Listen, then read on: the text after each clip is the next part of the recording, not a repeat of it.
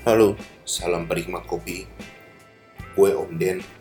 Jadi kali ini gue bakal ngebahas tentang cupping protokol.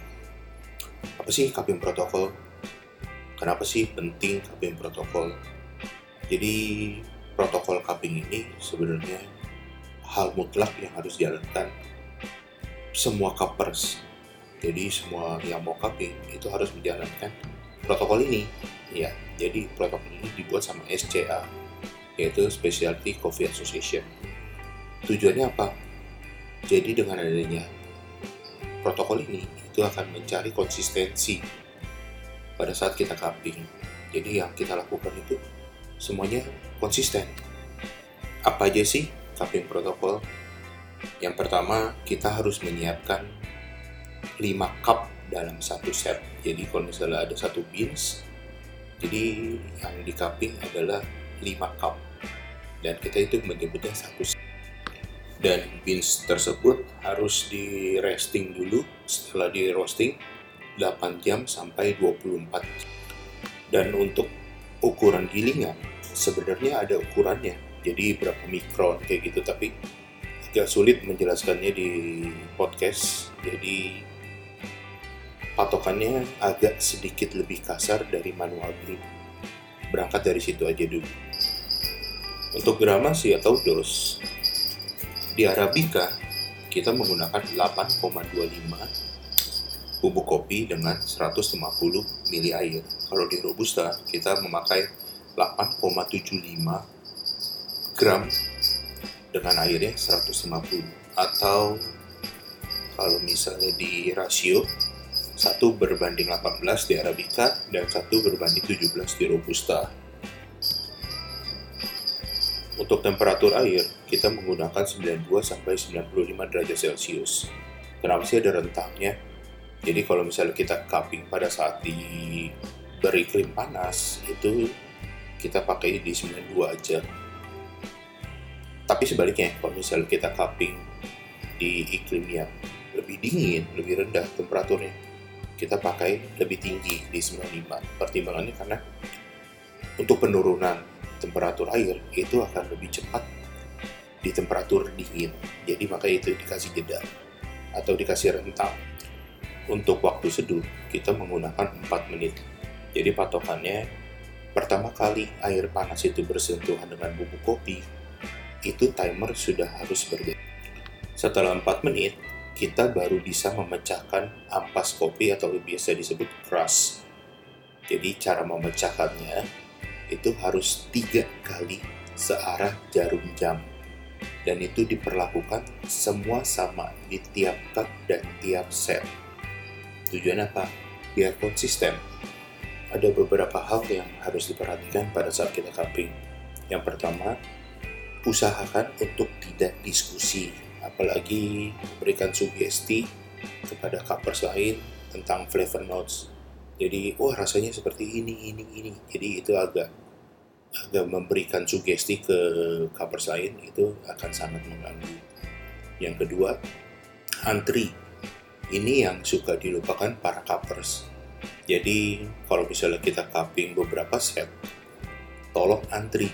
Jadi jangan nyelak dari satu set lompat ke tiga itu kesian yang lain itu akan mengganggu konsentrasi juga. Terus cupping spoon harus selalu dibersihkan atau di dicelup ke air yang nanti ada disediakan gelas sendiri untuk air bersih.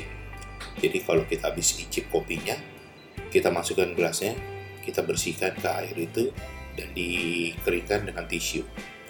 Kalau sekarang ada sedikit perubahan karena rebaknya virus corona, untuk cupping biasanya kita langsung dengan dengan spoon yang kita pegang icip bersihin dan itu. Tapi yang perubahan terakhir adalah kita harus memegang shot sendiri gelas shot sendiri. Jadi habis kita ambil masukkan ke gelas sendiri dan baru kita icip dari gelas itu. Dan spoonnya juga terpisah dari yang kita sendok. Kita ambil dari gelas terus ke gelas shot yang kita pegang itu terpisah dengan uh, dengan sendok yang kita icip. Jadi agak sedikit ribet.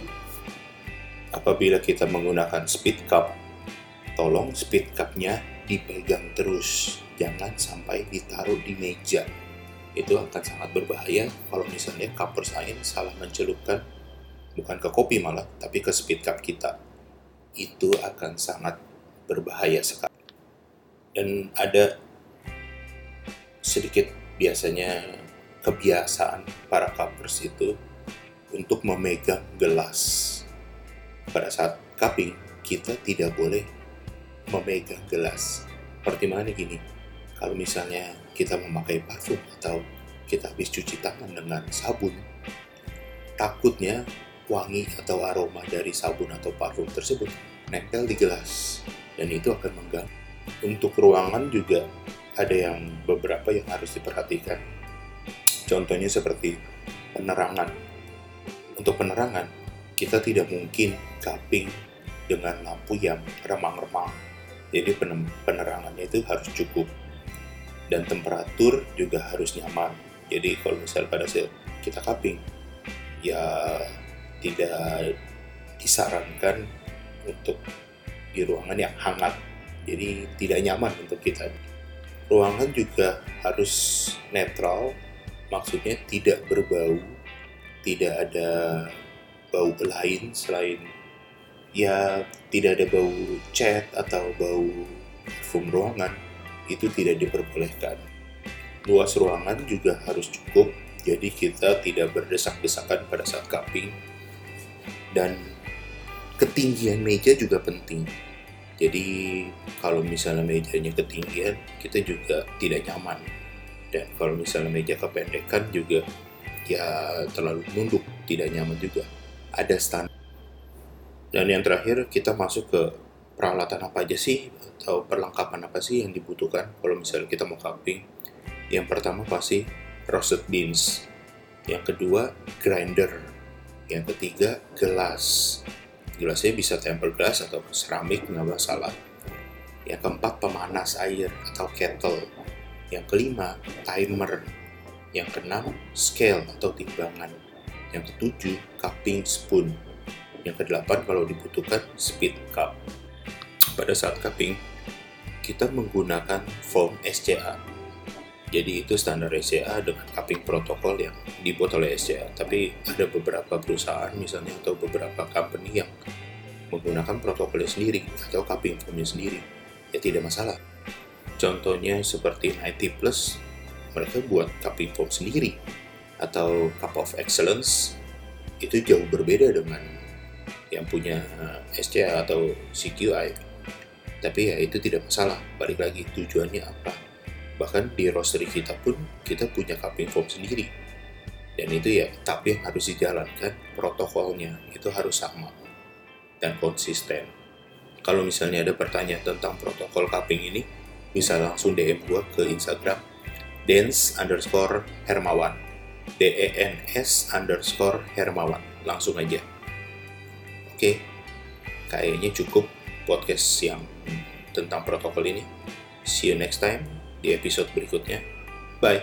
Salam penikmat kopi.